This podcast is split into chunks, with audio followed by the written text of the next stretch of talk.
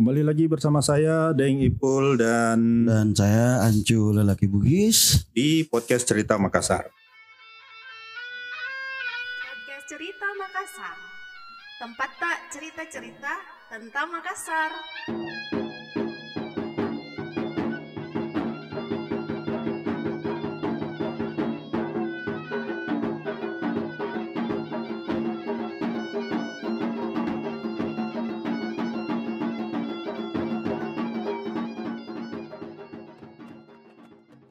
Sebelum mulai saya tanya dulu, kau tim Jalan Kote atau tim Pisang Hijau? Maksudnya eh, anggaplah kau disekap sama eh, penjahat, ditodong pistol di kepalamu suruh pilih antara Pisang Hijau atau Jalan Kote. Ini pilihan yang paling berat sebenarnya. Itu. Tapi kau harus memilih, kalau tidak ditembak. Eh, Jalan Kote.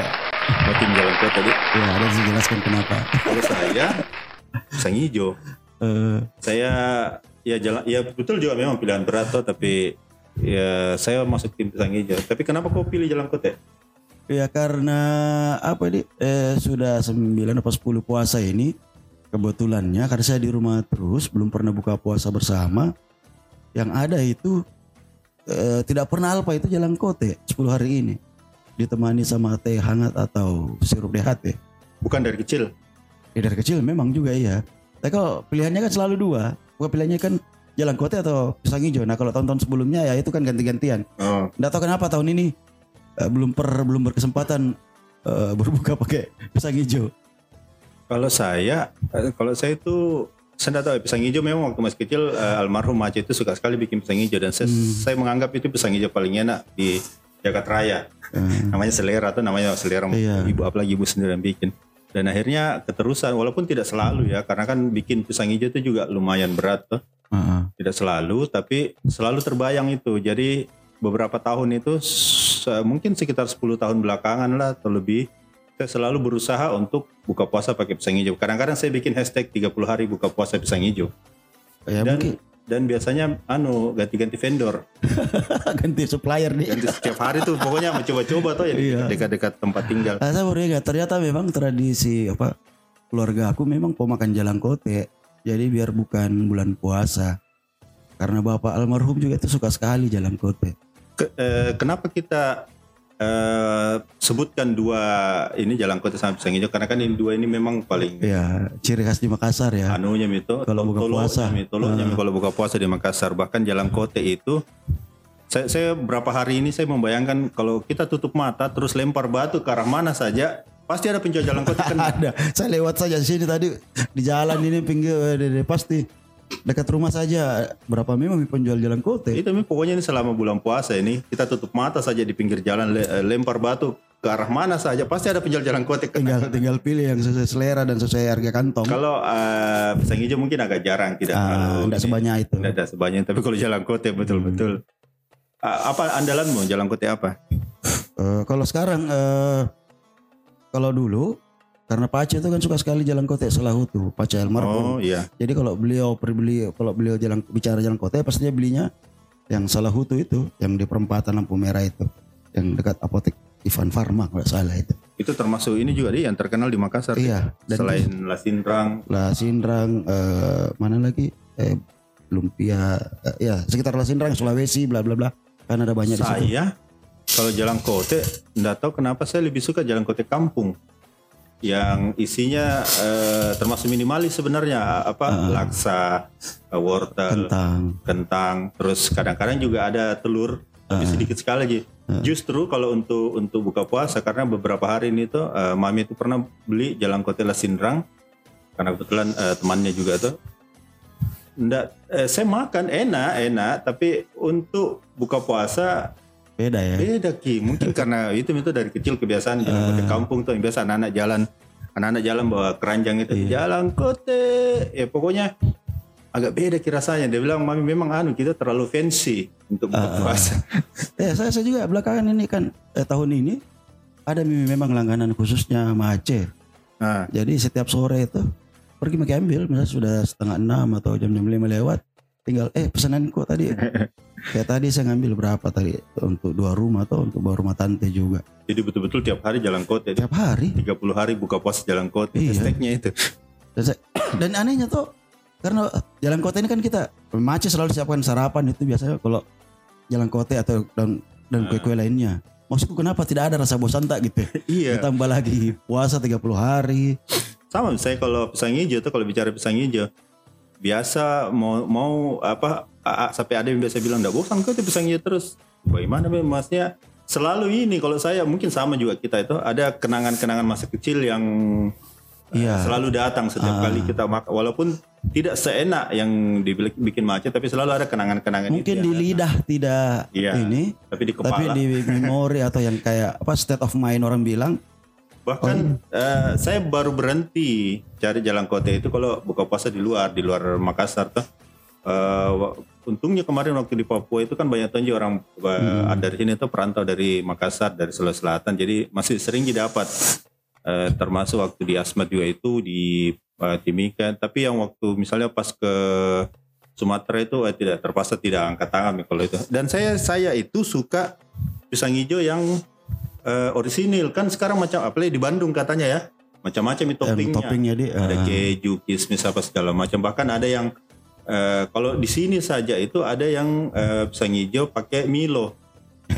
Enggak di saya saya saya, saya eh, anu saja. Saya, Polos saya saja. berarti sama kedeng saya juga itu. Makanan apa pun yang kalau sudah di di varia, variasi toppingnya sudah kayak kan kayak ya. macam-macam kayak apa eh pisang epe yang ada rasa apalah rasa apalah iya ah itu ndak ndak ndak, enak Mi. iya mending cari yang original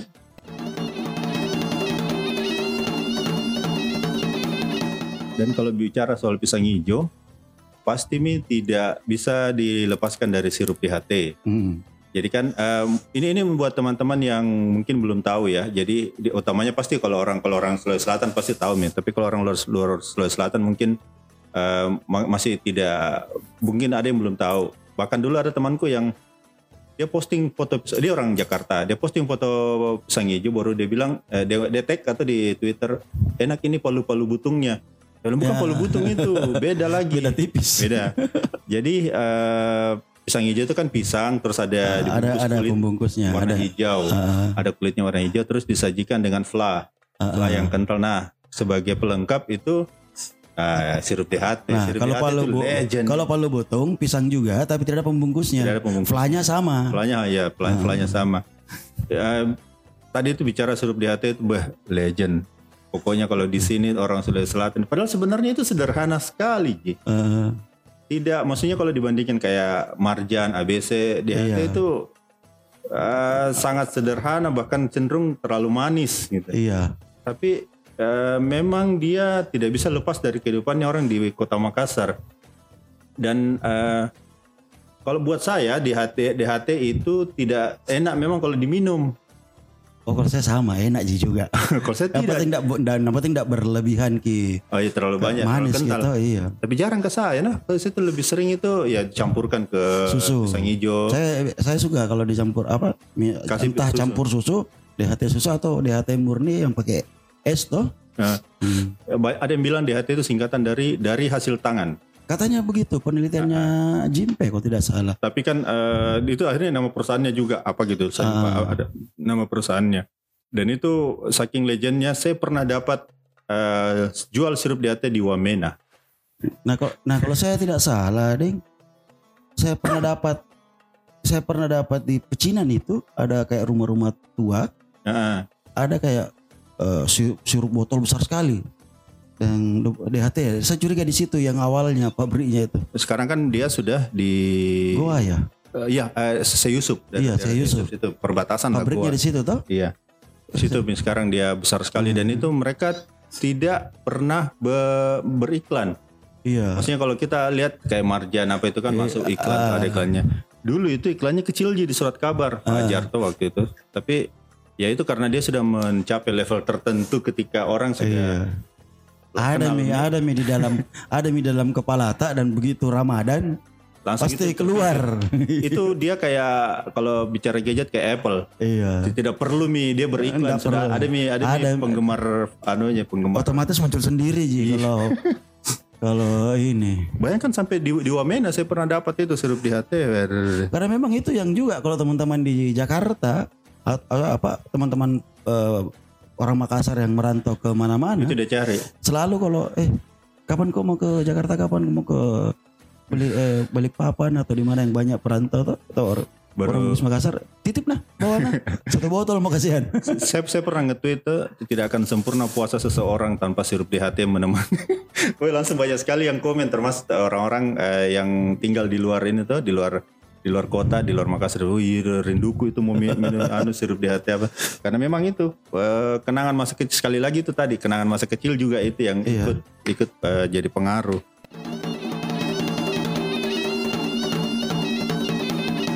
Cuma kalau bia- di mana kau biasa beli anu eh, buka puasa? Kau buka kalau beli pabuka itu kan tadi jalan kota mami tuh jadi di dekat rumah rumah. Jadi iya yang kita bilang jalan kota kampung itu sekarang itu memang apa enak mi belanja-belanja begitu karena di mana-mana ada mi itu penjual-penjual itu. gampang nih tinggal Gampang, GrabFood Mi. juga tinggal Tidak. GoFood atau apa begitu Tidak dulu kayak dulu dulu itu kan agak susah ingat waktu masih kecil kayak itu jarang sekali kita belanja beli-beli anu begitu beli-beli beli-beli pabuka pasti buatan sendiri Ah. buatan rumah saya tidak tahu apakah tapi saya ingat kan tidak tidak banyak sih kalau sekarang kan deh eh, di ini eh, mau penyuki itu. Ah. Itu kalau setiap bulan puasa bu.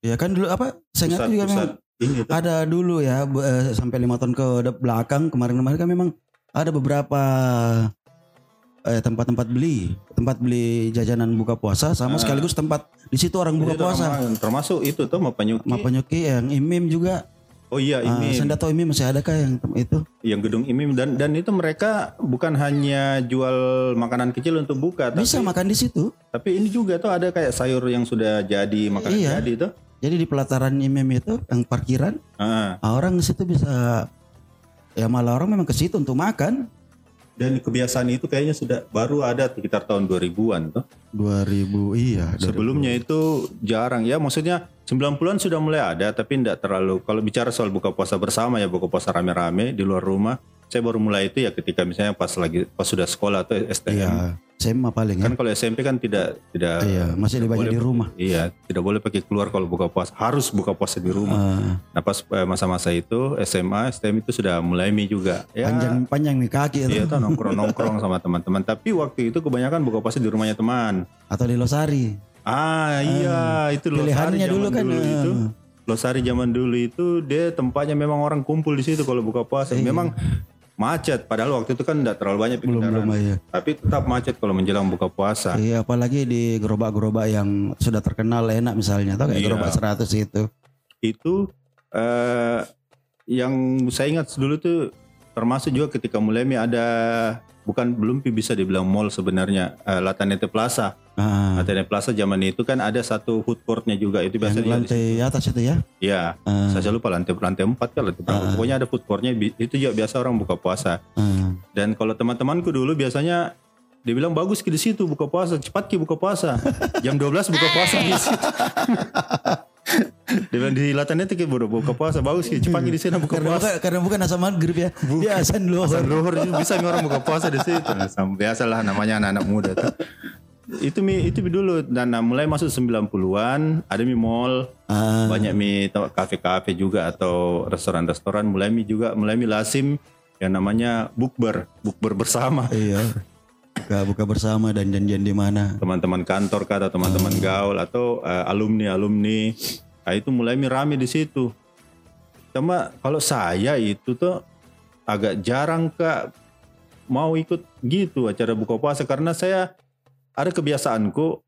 Ya eh, pertama pertama saya tidak terlalu suka kalau terlalu rame tuh. Ah. Kurang suka kalau terlalu rame. Terus habis buka habis karena ini namanya bulan Ramadan jadi habis buka puasa mungkin sholat maghrib. Ah pahit biasa lama antri lagi atau cari tempat untuk sholat apa eh, setengah mati antri lagi.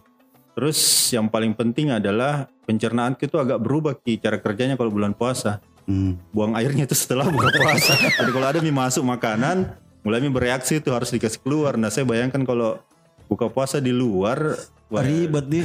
belum lagi mau maghribnya sholat maghribnya ditambah lagi mau Nah. BAB-nya makanya saya bilang kalau mau ketemu-ketemu begitu tak kala sudah pi buka puasa iya Tapi kalau buka puasa, kau eh, tim makan kecil baru makan besar atau makan langsung makan besar? makan kecil dulu Langsung pokoknya asal ada masuk dulu. Iya, berarti ya itu tadi jalan kote 5. Tapi ada tuh juga orang yang memang langsung, makan berat. Ah, enggak bisa ke saya. Kau ingat dulu eh, ya ada teman tak juga seperti itu tuh.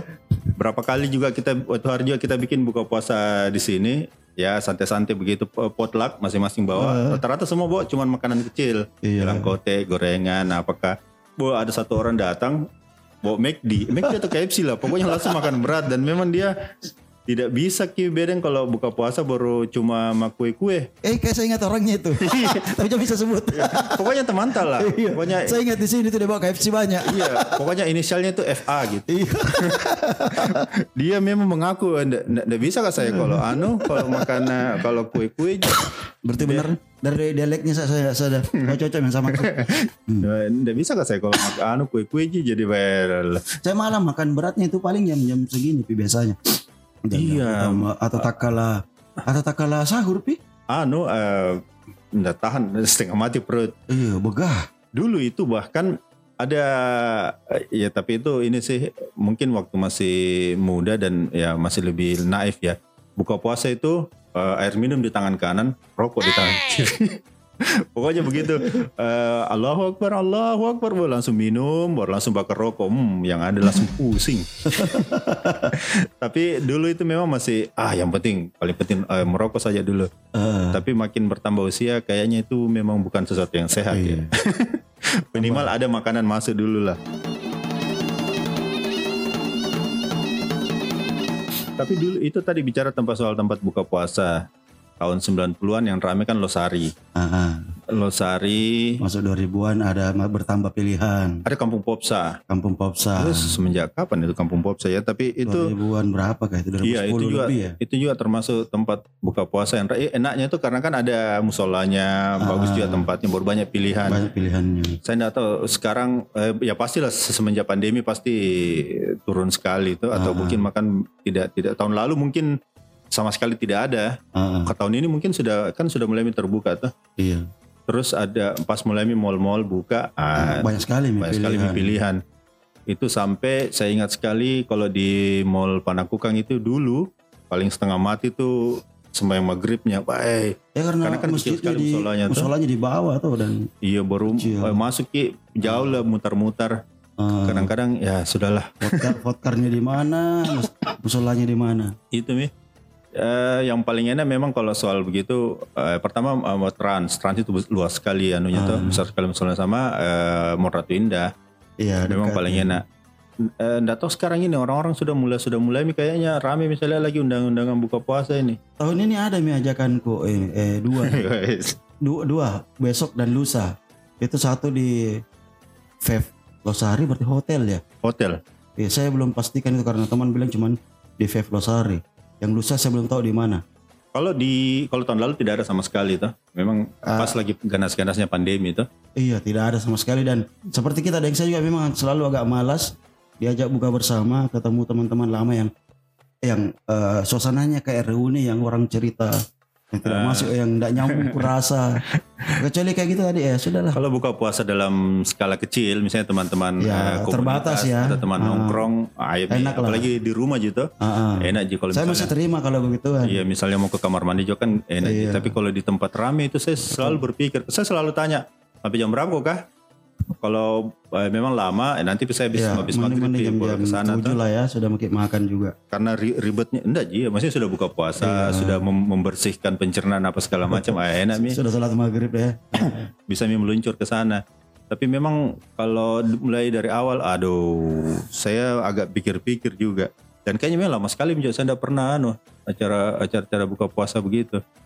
Cuman ada satu cerita lucu juga saya ingat Eh, buka puasa waktu masih kerja atau di kantoran itu kan ya biasanya kantor itu tiap tahun ada buka puasa kantor yang lama ini. Wah ada beberapa ibu-ibu itu kan tidak berpuasa namanya perempuan tuh halangan. Eh, Jadi kita buka puasa eh apa yang laki-laki begitu sudah buka puasa kecil-kecilan langsung anu mi eh, sholat maghrib. Saya agak terlambat karena kan antri wudhu begitu saya mau ke masuk eh, saf sholat begitu. Wah saya lewati tuh meja tempat hidangan kan sudah dis- disediakan hidangan berat tuh. Wah sudah mulai ada yang membungkus-bungkus. Belum dimulai di- dimakan, ada yang mulai membungkus. Aduh. bergerak mi ibu-ibu Columbus. Iya. ini yang di kantor lama itu wah saya bilang wah luar biasa memang gerak cepat mumpung dia bilang eh, anu, eh, mumpung masih lengkap tuh menunya karena kalau belakangan belakangan itu kan sisa-sisa mami eh, kembali lagi soal cerita buka puasa bersama. Yang sering juga dulu itu kalau undangan-undangan di rumah. Ada orang bikin acara apa gitu Hmm. terus mengundang buka puasa. Itu juga waktu masih kecil saya ingat sekali itu sering kak diajak sama bapak. Kalau ada orang kantornya atau bosnya begitu bikin Hmm. acara buka puasa ah, lumayan datang lagi ke sana. Lumayan bisa makan enak karena kan makanannya itu hampir sama kayak eh, makanan ini tuh makanan kawinan. Ah, ada ikan bakar yang besar terus ada eh asup ah, prasmanan begitu dia kayak, prasmanan ah, jadi wah waktunya itu makan enak. Tapi begitu makin makin lama memang makin tua memang kayaknya ah, sedang deh di rumah mau saja memang kayaknya masa-masa buka bersama itu. Eh, mungkin waktu masa SMA aja sampai kuliah dan mungkin umur 30-an ya. Iya. Kalau bahkan sekarang- bahkan kadang-kadang kalau sekarang-sekarang itu ada buka puasa yang akhirnya hanya jadi wacana forever. Selalu itu tiap tahun. selama itu ya sebelum pandemi ya. Eh, buka puasa yang kemudian hanya jadi wacana forever karena baku ini, ini. Yang dari hari pertama janjian Iya. sampai lebaran tidak tidak jadi-jadi. Biasanya kan orang baku atur itu eh, minggu pertama buka puasa dengan eh, teman-teman eh, SD, minggu kedua teman-teman SMP, minggu ketiga apa begitu tuh tapi begitu mi rata-rata ada juga yang cuman akhirnya jadi wacana sampai selesai puasa ya tidak tidak oh iya Pak deh gue sahur ingat. Ternyata ada buka puasa bersama aku kemarin. Gitu. Tapi tapi itu juga sama keluarga, sama sepupu-sepupu oh di ya, kita- internal lah ya internal kita ke lumayan banyak ternyata ber, ber- ber- berapa jadi tapi kan tidak ada orang luar tante ji sepupu Itu di sepupu. rumah? Enggak di luar. Di, Oh, di luar. salah satu tempat makan di Panakukan tapi rame mi sekarang tempat makan kan itu rame. Yang yang tempat yang kami tempat yang kemarin kemarin- penuh.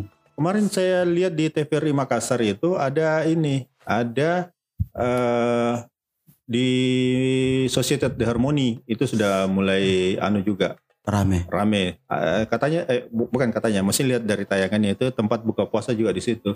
sebelum bulan puasa saya pernah lewat situ sudah rame Iya. malam-malam toh Dia, dia dia itu kayak itu tadi yang kita cerita Kayak imim, imim. imim atau Ah. apa dia dia jual makanan berbuka puasa sekalian orang bisa makan ya karena di situ. memang situ di hari-hari biasanya tempat nongkrong toh Iya, tempat makan sekarang sudah sudah rame kembali. Hmm.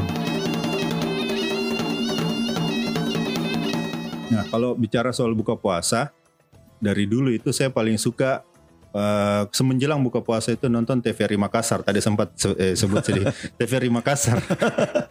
itu eh, sekarang agak jarang nih kayaknya. Tapi bu- eh, dulu-dulu itu sering kalau Ibu kan mulai dari 15 menit, Ah, iya 15 menit lah kan biasanya ada ada kultum, ada kultum. ada kultum ada ini Habis kultum mulai itu menyanyi-menyanyi ibu-ibu ya. ibu tuh ibu PKK atau bisa dari Ibu PKK. Dharma Wanita dari Dharma Wanita di- atau- dinas apa atau, atau dari kantor- perusahaan apa. Iya, dari perusahaan apa. Ah. Nah, itu eh, mereka menyanyi kasihan juga itu kan tag-nya itu diambil jauh sebelum puasa tuh. Eh, Dan bahkan ada yang diambil tag-nya itu jam 12 siang. Kebanyakan jam, saya pernah lihat, saya lupa dari mana, tapi ada jam jam 12 siang ibu-ibu menyanyi di Pantai Losari.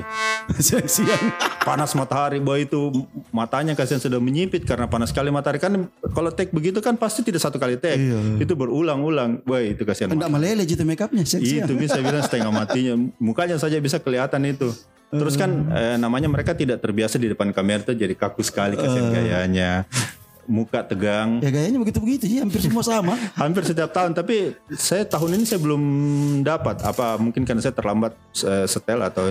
Yang ada sekarang yang kembali itu yang sempat saya lihat itu yang eh, yang almarhum itu ya almarhum Iksan yang menyanyi nakuk bukan tahu none itu. Oh nona itu ya? Iya. Iya itu None. muncul kembali kan? Muncul kembali dengan eh, diganti ke video klipnya. Tapi berapa hari jinda anda ada mulai sedih kok kurasa dua hari itu hari saya sempat lihat. Padahal kesukanya itu kalau dia menyanyi aku kur taku karaeng. itu siapa yang bisiki bapak itu? Tapi bapak itu keren lah. Tingkat pedenya tinggi. Tingkat pedenya tinggi. Dan yang tidak bisa dilepaskan itu juga tiap eh, ucapan buka puasa itu pasti pejabat-pejabat. Iya. wali kota pastilah pasti gubernur. ada. Gubernur tahun eh, satu tahun lalu ya karena tahun lalu saya tidak eh, puasa di sini.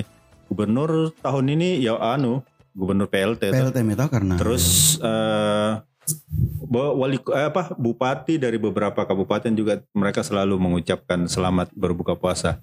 Nah, beberapa tahun 10 atau berapa dia 12 tahun yang lalu mungkin itu saya juga pernah jadi bagian dari itu.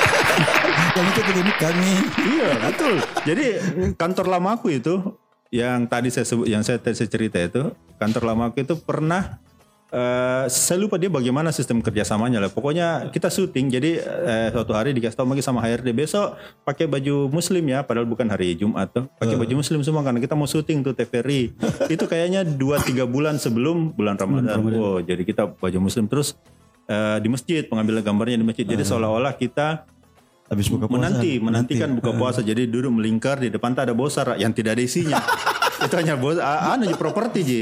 Bosar baru kita duduk mi. Wah pura-pura eh, seolah-olah iya bo- baca salawat tuh wes. terus nanti terakhir bersama-sama kami dari perusahaan ini mengucapkan selamat berbuka puasa. Weh. dan itu satu bulan ada tayangan cuma wak- sayangnya waktu itu tidak ada di Twitter apa tuh jadi tidak bisa di tapi paling tidak bisa kasih tahu kasih tahu orang tua atau ma ada kak di pernah nggak televisi? Masuk TV weh. satu bulan. Saya itu makanya saya kalau lihat yang sekarang itu oh saya tahu di proses syuting di belakangnya. Dan memang kalau orang tidak terbiasa di depan kamera itu Ya, take-nya itu yang berkali-kali loh. Eh, bayangkan itu kalau ibu-ibu menyanyi di tengah di eh, pelataran Pantai Losari jam 12 siang kasihannya itu. Meleleh itu make up jadi itu kalau bicara soal hidangan buka puasa di Makassar kalau kan di Jawa itu biasanya yang paling top kayaknya kolak kolak itu paling sering kita dengar orang tuh oh, buka puasa pakai kolak kalau kita di sini ya itu tadi ya jalan Antara kote sama jalan pisang kote hijau. atau pisang hijau. Itu selalu merajai klasemen buka puasa. Dulu dulu di Twitter selalu ada itu eh yang ini nih tahun ini sebelum lihat nggak ada Oh, iya. ada kayaknya lagi yang orang Iya. ngetweet ngetweet begini kan kayaknya sudah mulai Bosan. Mi, juga sudah mulai basi juga itu joke kan ada ada klasemen tuh klasemen buka Ah. iya puasa hari ini lalu kan itu sama hari ini jalan ada kote masih memimpin diikuti dengan dengan ya, tapi Ah. kayaknya enggak Mi sekarang bosan nih orang mungkin nanti di episode berikutnya kita akan cerita apa lagi ya nanti ya nanti kalau misalnya minggu depan berarti sudah dekat-dekat lebaran kita Mudik cerita ini Nggak, nggak bisa Gio, mudik sekarang.